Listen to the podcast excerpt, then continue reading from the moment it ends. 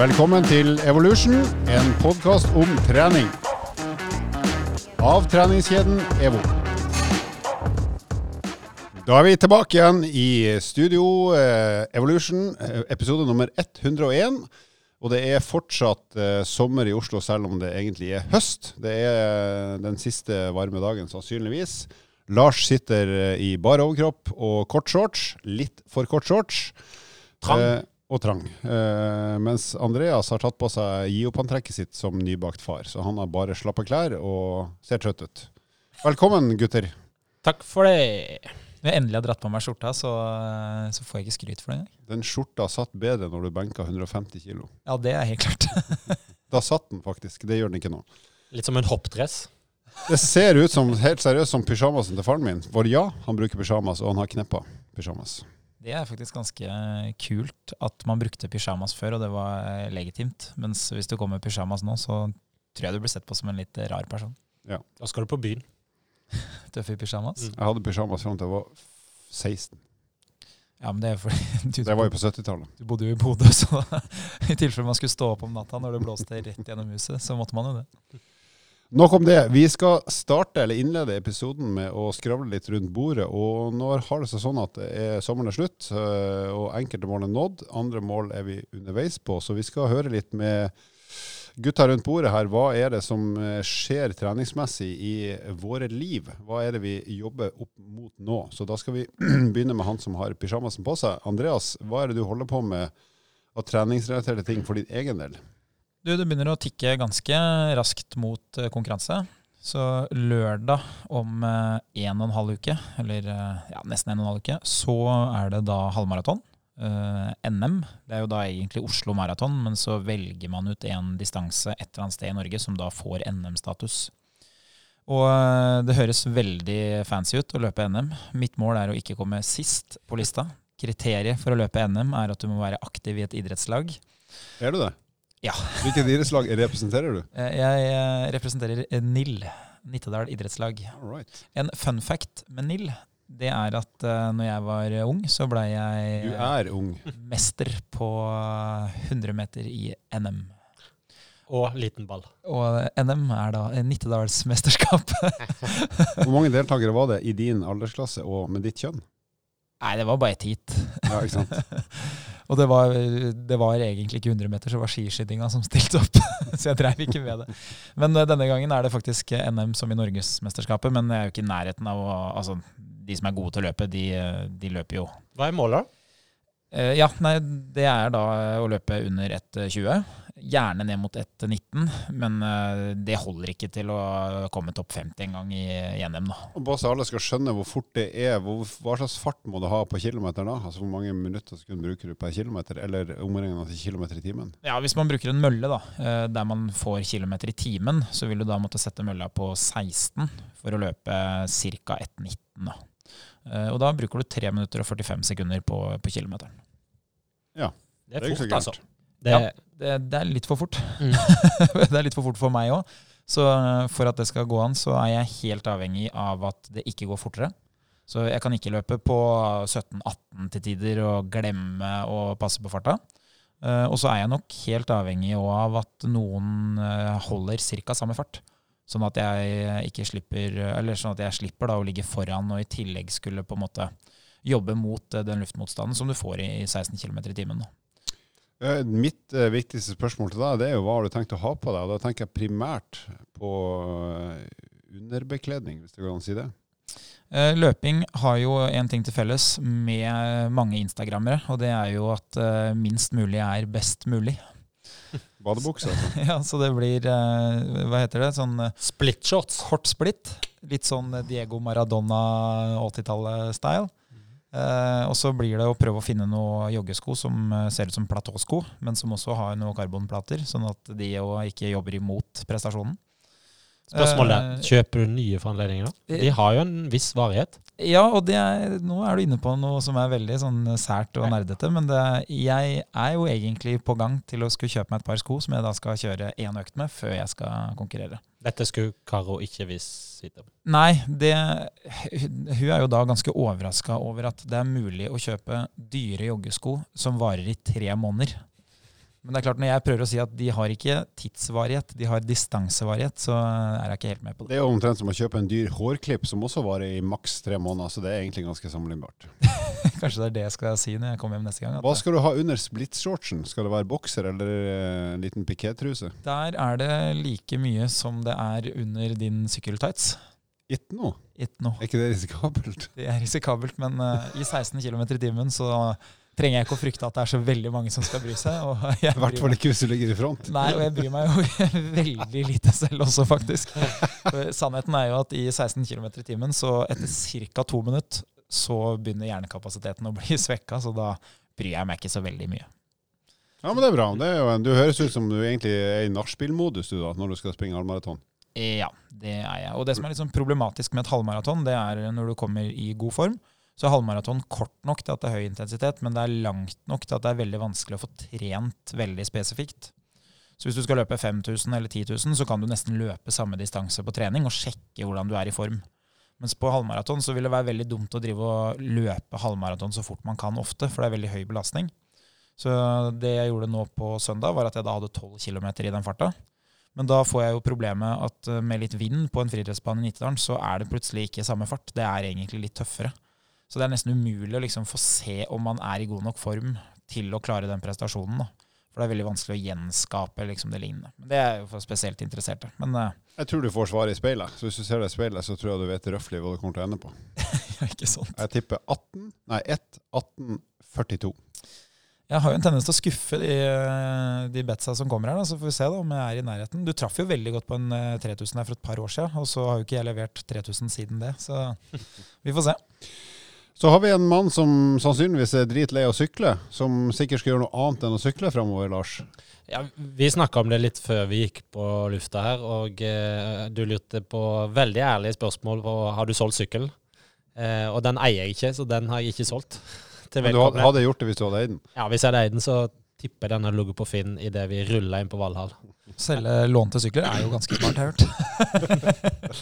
Kommer veldig godt ut av det. Nei, du, sykkelen er ikke parkert. Altså, jeg skal ikke si at jeg skal sykle like langt igjen, men eh, eh, jeg syns jo det er gøy. Og så har jeg jo investert i noe utstyr som må brukes. Det kan ikke bare støve ned i, i boden.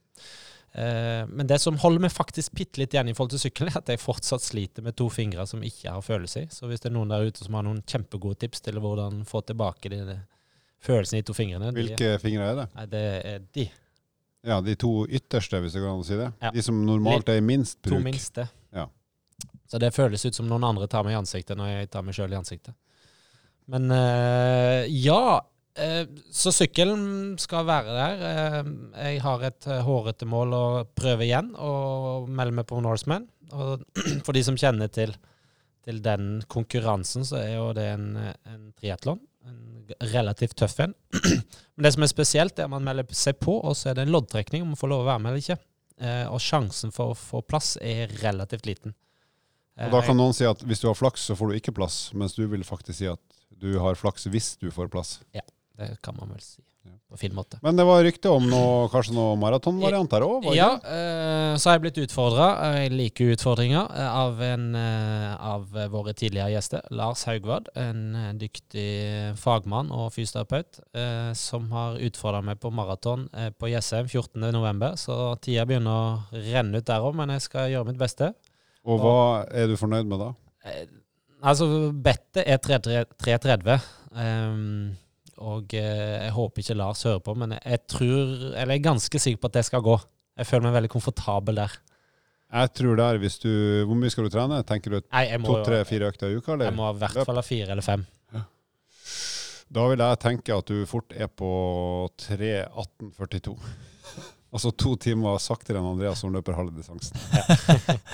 Så, nei, jeg har et hårete mål. Eh, nærmer meg tre blank, så er det helt sinnssykt, men det kommer an på hvor mye jeg får trent. Mm. Og ikke minst, eh, jeg må redusere kroppsvekta mi med noen kilo. Eh, forsvarlig. Og så er jeg veldig fornøyd hvis jeg nærmer meg 3.15, kan vel si. Uh, gitt at vi er veldig opptatt av antrekk her sånn generelt, uh, hva kommer du da til å stille i Det er jo i november. Det er 14. november, så i mid-november, Uh, det er for så vidt en rask løype. Uansett at hvis jeg løper fort, så blir det jo kaldt da, forhåpentligvis. Ja, det er Eh, mye så jeg kjøler meg ned litt i forhold til uh, Oslo. Uh, så det blir nok en lang tights type eh, som sitter godt rundt hit her og der. Heldrakt, heldrakt, eller? Heldrakt, ja, det var veldig fint. Men jeg har jo litt muskulatur, da, i motsetning til våre kollegaer her. Ikke sant? Hva snakka til deg, Andreas. Eh, Jeg løp jo maraton samme sted i fjor, i slutten av november. Og min tanke var jo òg at det kom til å bli så kaldt. Mm. Men jeg løp jo faktisk i, i shorts, husker jeg. Split Lange shorts. sokker. Ja, lange Og sokker. hansker. Uh, ja, eller kasta de? de. kanskje underveis. Men det som eh, er veldig rart, er jo at uh, veldig mange av de beste prestasjonene settes jo i sånn 13-17-18 grader. Det er ofte da man perser i Berlin og sånn. Men så har man også sett en del studier at hvis temperaturen hadde vært enda lavere, så hadde nok man prestert enda bedre på i hvert fall lange lange intensitetskonkurranser. da. Mm. Fordi eh, kroppstemperaturen blir så høy. Og det er det nok mange som har kjent på sommeren. eh, Det motsatte, da, når det blir eh, 25 grader i Oslo. Så har man plutselig veldig dårlige prestasjoner og lurer på om man kanskje er i litt dårlig form. Og det skyldes jo bare at kroppstemperaturen stiger og stiger. Mm. Og væskebalansen. Jeg kan jo si at i forhold til å sette pers i Berlin, så er min, eh, min beste personlige rekord i Berlin den er satt til 27 grader. Men det var å drikke en halvliter øl fortest mulig. Ikke å springe. Jeg var nemlig i fotball-VM i Tyskland i 2006. Hva, skal du løpe, da? Eh, Jeg skal løpe trappeløp. Nei, jeg skal ikke det. Jeg skal selvfølgelig sykle, i og med at det er det eneste jeg har gjort i uh, altfor lang tid. Eh, så jeg har eh, akkurat gjennomført Randsfjord rundt sammen med gutta på Ekeberg, og det gikk fint. Sykla som lag, men eh, nå er vi et par-tre mann derfra som tror at vi har blitt ganske mye bedre enn vi har vært før, så da skal vi være med i fem, Femsjøsløpet, som er et eh, Eller rittet. Det er 100 km start og stopp i Halden rundt omkring, stort sett flatt med et par bakker. Og det Der var jeg med for to år siden. og hang med i pull igjen, selvfølgelig, for at jeg har en meningsløs selvtillit. Helt uberettiga. Og da hang jeg på i 1940 meter, og da var jeg sistemann i pulle 1. Og ti meter etter det så var jeg ikke med i pulle 1 lenger. Da var jeg helt alene og sykla alene i fem mil. Eh, ble plukka opp av en australsk fyr som sykla sammen med meg, for han hadde også da ramla av. Jeg trodde han var norsk, så jeg snakka norsk til han i ytterligere to mil. Og så skjønte jeg at han ikke hadde skjønt noe av hva jeg hadde sagt. Og så fant vi begge to ut at nå har vi sykla feil. Så da sykla jeg bare tilbake igjen til start uten å få registrert noe resultat. Så jeg har et eh, stort mål om å gjøre det vesentlig bedre. Så å holde mer enn to kilometer og ikke snakke norsk til noen som ikke kan norsk, det er mine mål. Å finne veien. Å finne veien, ikke minst. Jeg er egentlig glad jeg ikke fikk noe tellende resultat, for det må ha blitt utrolig dårlig, rett og slett. Ok, da skal vi eh, straks, faktisk med en eneste gang, over til eh, denne podkastens tema.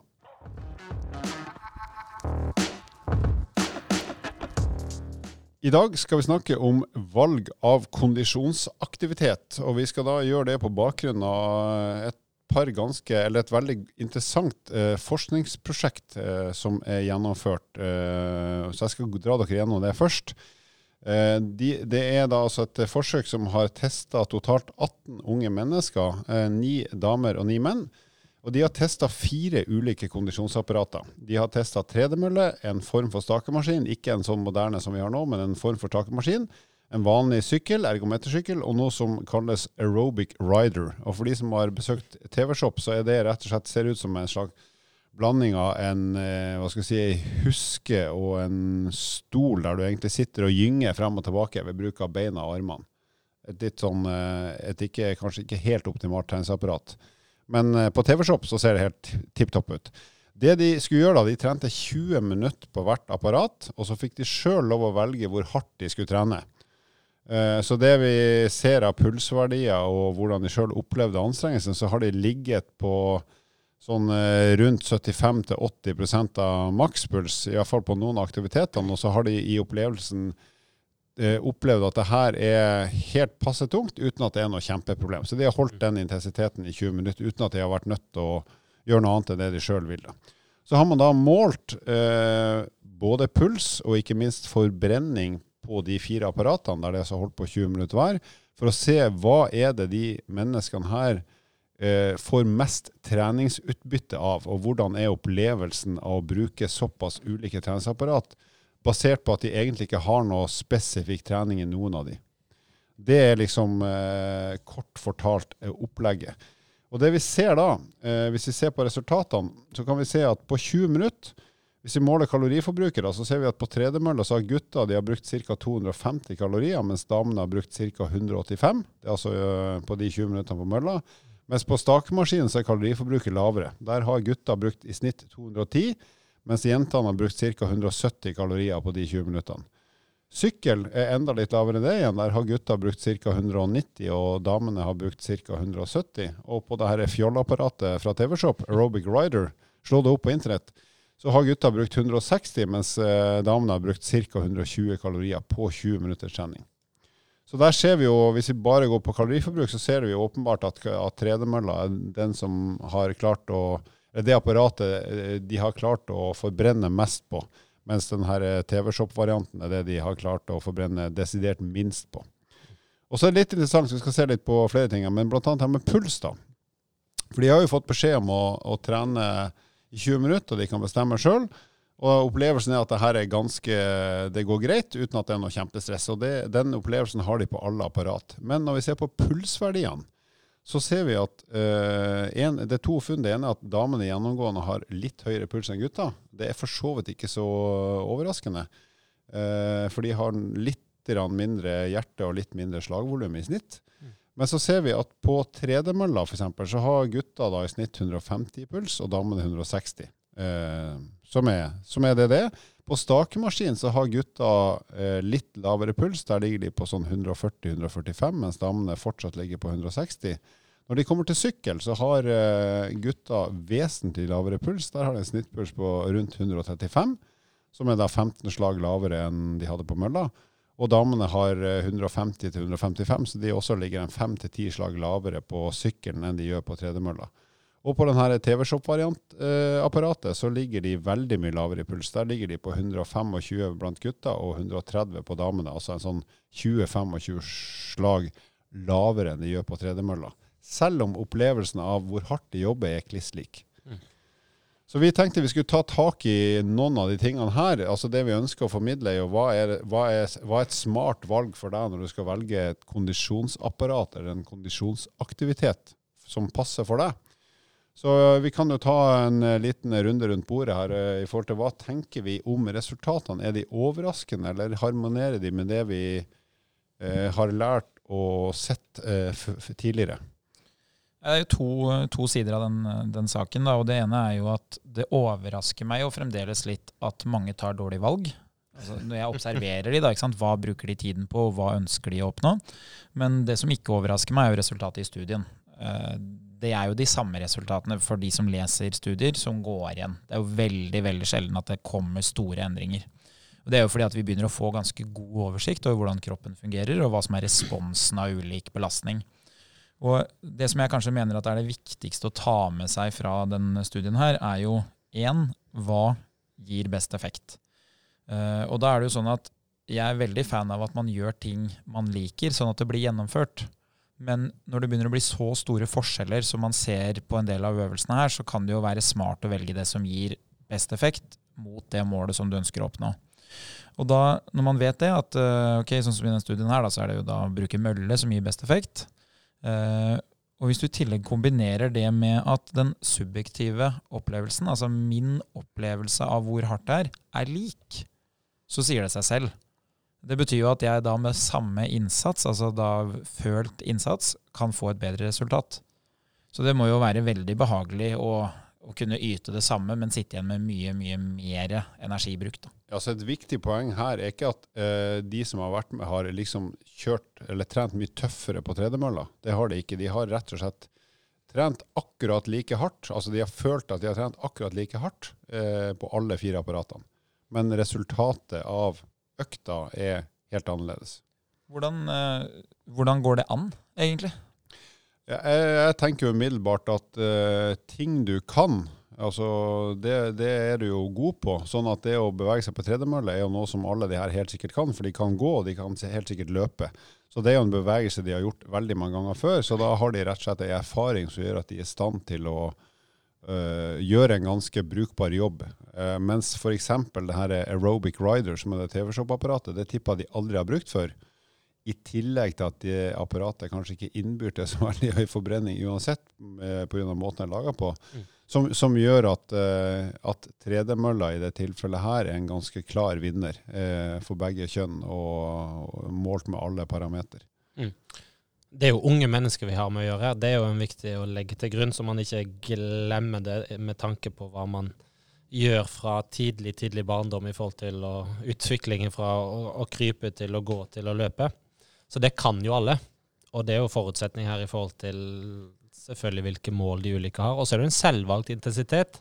Og det er jo for så vidt litt interessant i forhold til hvor høyt de forbruker på de ulike. For de kunne valgt å ha en lavere intensitet på sykkel, og da skal jeg bruke meg sjøl som et eksempel. Og jeg for min del sliter med å komme opp, eller sleit, iallfall i starten da jeg ikke hadde sykla så mye, fordi det var en aktivitet jeg ikke var så både komfortabel med, men ikke gjort så spesifikk. Eh, Så sleit jeg med å komme opp i intensiteten jeg burde ha, kontra å løpe, f.eks. Mm. Så Så du, du sleit med å få opp pulsen, da, for å si det litt banalt? Ja, sleit med å få opp pulsen. Og her, her så viser jo også studien at de har veldig ulik puls, selv om ja, den subjektive er den like, eh, samme. Så det går jo litt på hvor store muskelgrupper som er involvert. Og vi vet jo at løping er en vektbærende eh, aktivitet hvor, eh, hvor det stilles større krav til større muskulatur og mer du bærer din egen kroppsvekt. Også ikke minst det med teknikk, for det har jo òg eh, noe å si i forhold til hvilken effekt man får ut av det. Så det som jeg eh, følger opp der, Lars, er jo at hvis, hvis de hadde sagt at eh, dere kan trene så hardt dere vil, det var jo det de gjorde. Men hvis de heller hadde sagt at du skal ligge på la oss si 85 av din makspuls, det betyr jo at hadde, da hadde de hatt et pulstall eh, hver enkelt som de skulle jobba seg opp i og holdt det i 20 minutter. Og da er vi jo helt sikre på at det hadde de La oss si at det hadde vært 85% av makspuls, da, bare for å ta det som eksempel. Da hadde de helt sikkert fått til det ganske greit på tredemølla. Det har vært litt tungt, men ikke noe krise så hadde de fått et kjempeproblem på både stakemaskin og spesielt sykkel, og ikke minst aerobic rider, for de hadde sannsynligvis ikke klart det uten å bli stokk stiv. Så jeg er helt sikker på at hadde de fått beskjed om at ligge på en ganske høy puls i 20 minutter, så hadde de bare klart det på tredemølla, for de er rett og slett ikke kapabel, verken teknisk eller muskulært, til å klare å holde en såpass høy puls på noe annet enn det de kan fra før, som da er, i det tilfellet her, er eh, løpe, jogge på tredemølla. Så det du egentlig beskriver, da, er jo at det er en forskjell på hva du må gjøre med kroppen for å få høy forbrenning, og hva som lokalt for noen muskler er tungt.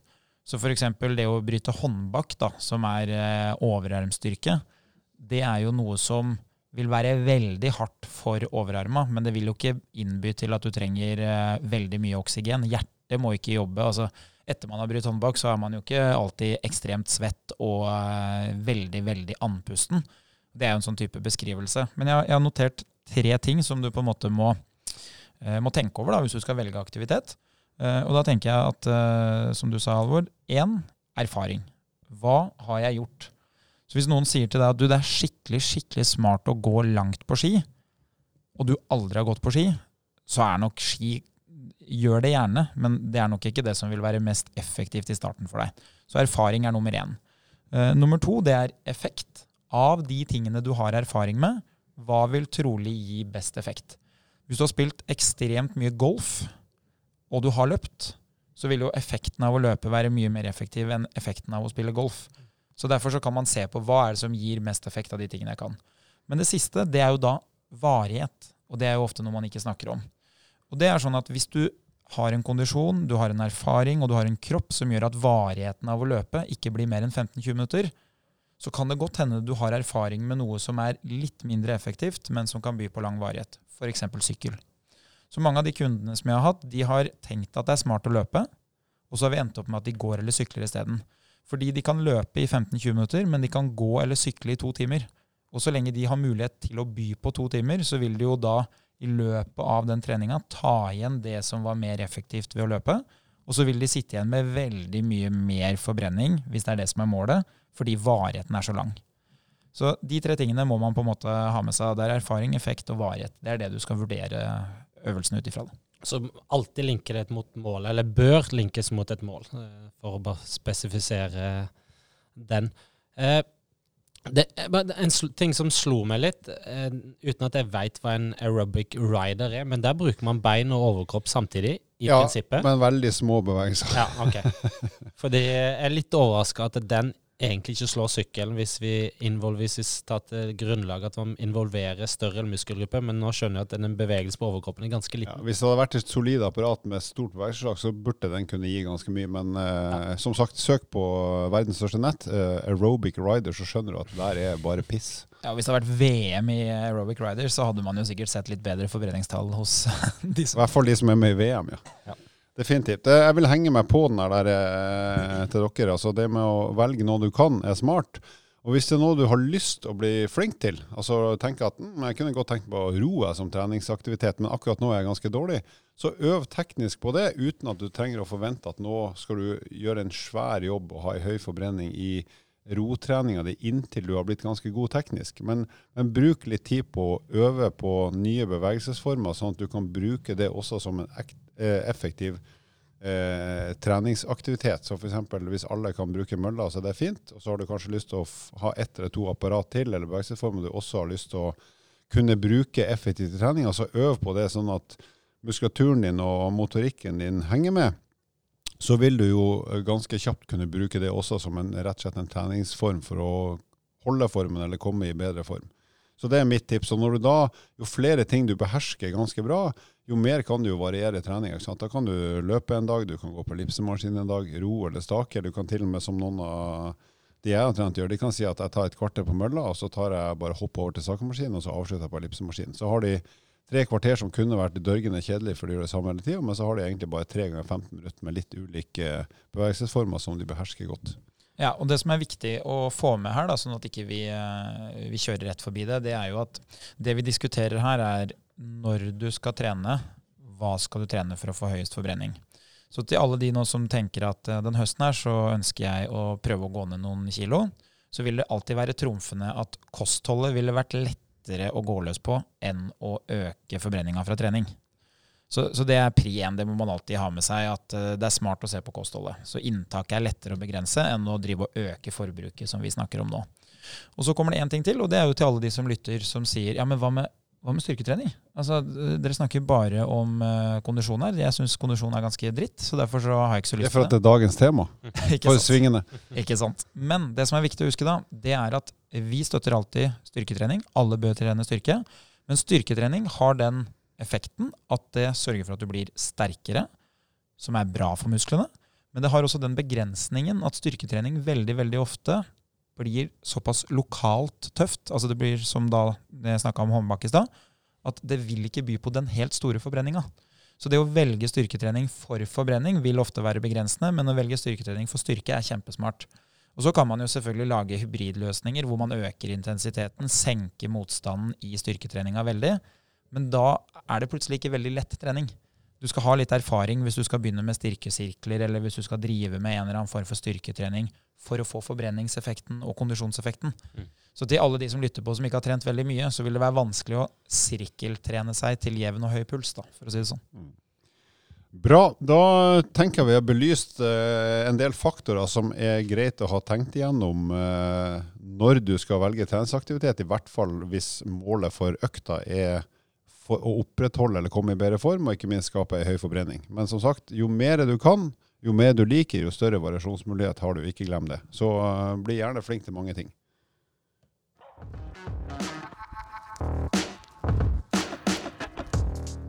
I vår eh, nye spalte eh, så skal vi jo snakke om hvem eller hva som har imponert oss siden sist.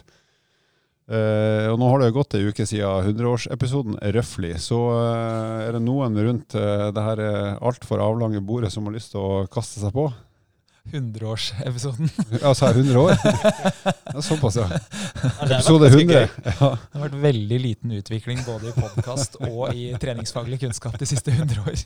Vi sitter jo her i studio med et eh, fasjonabelt 360-kamera for å se om vi får noen kule bilder ut av dette. Så vi har jo kommet eh, et lite stykke videre, kanskje. Ja. Noe i meg håper jo at det kameraet ikke er på, sånn at uh, Peter, som da har ansvaret for uh, mekanikken her, ikke får noen verdens ting ut av det vi har gjort. Og at noen slipper å se deg i pysj. Eh, ja, det er sant. Pysj og headset det er en ganske unik kombo. Faktisk. Men ikke uvanlig. Ikke uvanlig. Eh, Lars, vil du ta ordet først, så skal jeg henge meg på etterpå? Det her eh, jeg, jeg, jeg liker jo spalten. Um, Og den blir jo ofte veldig farga av hva jeg er veldig opptatt av, og det er jo både trening og idrett og sport. For det bruker jeg mye tid på eh, i, eh, i, det daglige. Når jeg leser nyheter, når jeg oppdaterer meg, og når jeg bruker tid som jeg sikkert burde brukt på noe annet, så går det til sport. Eh, vi prata ikke så mye om sist det som har skjedd i sommeren, faktisk. Fordi det har jo vært eh, veldig mye sport som har vært moro å følge med på. Eh, og eh, noen av de som har imponert meg, er jo våre OL-vinnere. Du tok jo fram Birgit Skarstein sist, som eh, vant OL-gull i Paralympics, eh, som er helt fantastisk. Så denne gangen så er det faktisk ikke noen som har prestert i OL, men det er fotballandslaget vårt. For jeg er jo genuint veldig interessert i fotball. Så jeg syns jo den utviklinga de har hatt etter Ståle Solbakken kom inn, satt litt på spissen, er ganske morsom å følge.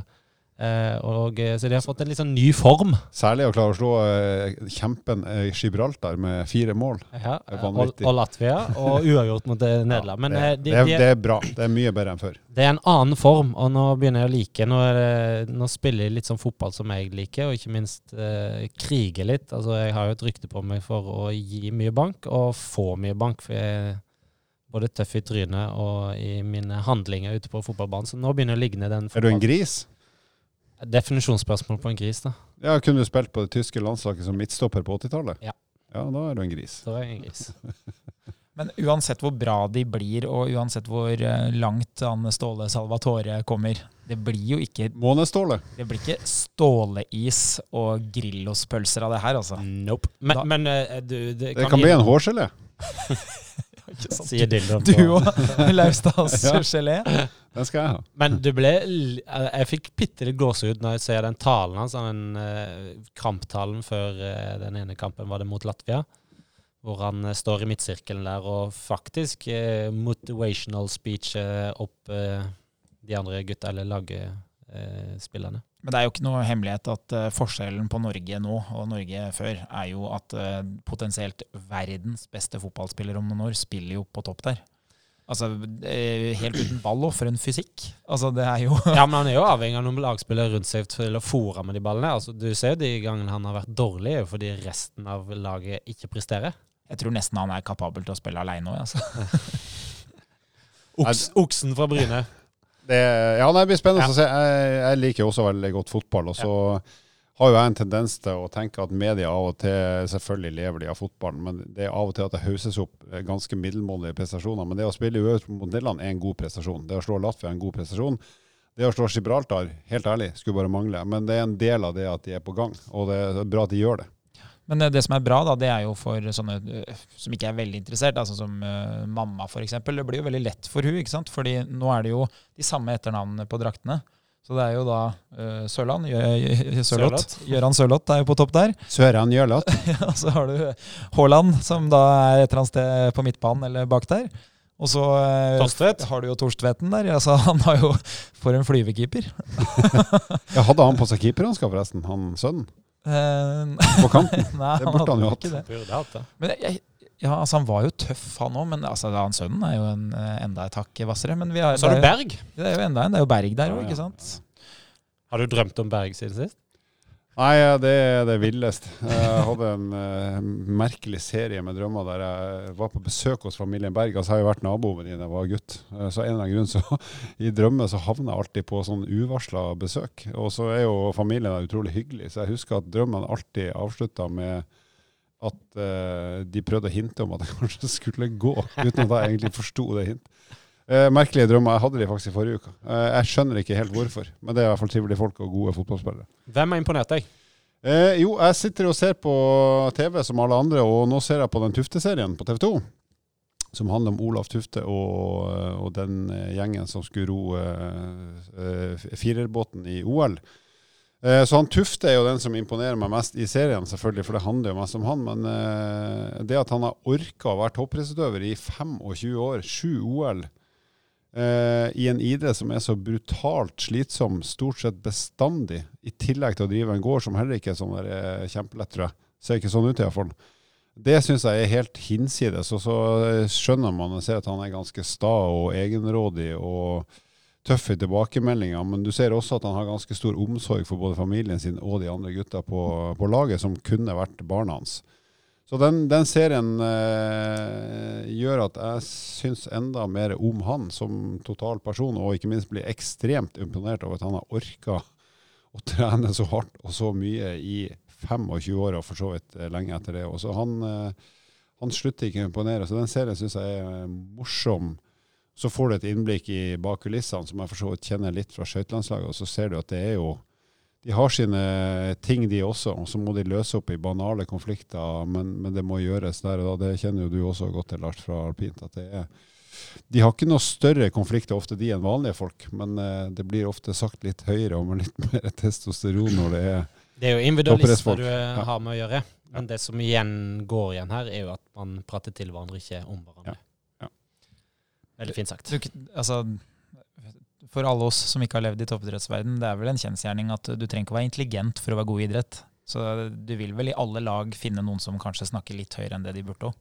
Det er sant. Blant annet eh, en keeper jeg var på lag med, som eh, Vi fikk beskjed i desember at vi skulle til eh, Norway Cup. Og det eneste han lurte på da, når treneren hadde sagt det, var hvor mange håndklær skal dere ha med dere, gutter? Andreas, har du blitt imponert over noen? Er den liggende arbeidsoppgaven så stor, da snakker jeg altså om barnet hans, at uh, du ikke har fokusert på noe annet enn det? Kjell Inge Røkke. Sjølveste? Kjell Inge Røkke. Så tenker folk Stiftelsen Vi og ja, paraidretten? Ja, så tenker folk hvorfor det? Og jo, det skal jeg fortelle deg. at uh, det som han gjør, da, som ikke så mange vet om, er jo at han har et brennende engasjement for paraidretten. Så han har jo iverksatt eh, en mulighet for veldig mange parautøvere, hvor de da kan få et stipend. Man jobber også med å tilby de mulighet til uh, trening som er tilrettelagt. Og det som er morsomt her, da, det er at de som forstår idrett og forstår økonom, altså økonomien i idrett, skjønner at det her er ikke noe plussprosjekt. Altså. Det her kommer ikke til å gi noe cash inn på konto. I tillegg til det så er det jo iverksatt noen sånne hinsides utbetalinger i bygging av en båt som skal til eh, Nordpolen og drive forskning. Og det òg er et minusprosjekt som går da direkte ut av konto. Og eh, så er det jo mange som tenker at ja, men herregud, du er jo rik, du kan jo uansett gjøre det. Men den bevegelsen som det starter, at de menneskene som har så mye kapital, faktisk bruker det på så vettuge ting, da, det er jo noe som man virkelig får håpe at det kommer til etterfølgelse fra andre. da. For det, det, har jo vært i en periode hvor det er mer status blant rike å ha de pengene låst på en konto og fortelle hvor mye det er, enn å bruke de på sånne ting.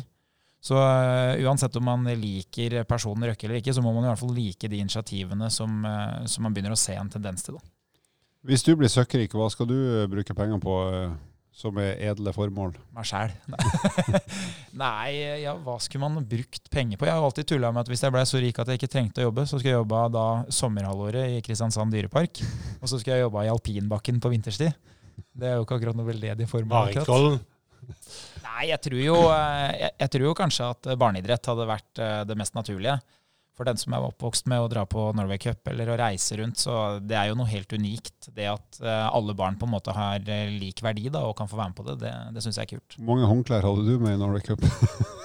Nei, altså jeg hadde ikke så mange håndklær, men jeg hadde en tendens til å spille på mange forskjellige lag. For det var jo typisk det at det mangla noen her og der. og altså det, vi triksa ikke så mye med dommerkortet som det Matari United gjorde når alle var født først i første. Men det kan jo hende at jeg har spilt med både to og tre forskjellige drakter. Så det å ha med drakter med forskjellige nummer, det var smart. Andreas Skjetne, Andreas Olav Skjetne, Olav Skjetne og Knut Skjetne. Og Knut ja. På det aller, aller verste, en gang eh, tilbake for et eh, par titalls år siden, så eh, var vi tre stykker nummer 11 på banen i en kamp for Nittedalen. Og da var det sånn at uh, først så fikk den ene nummer 11 gult kort. Og så fikk den andre nummer 11 gult kort.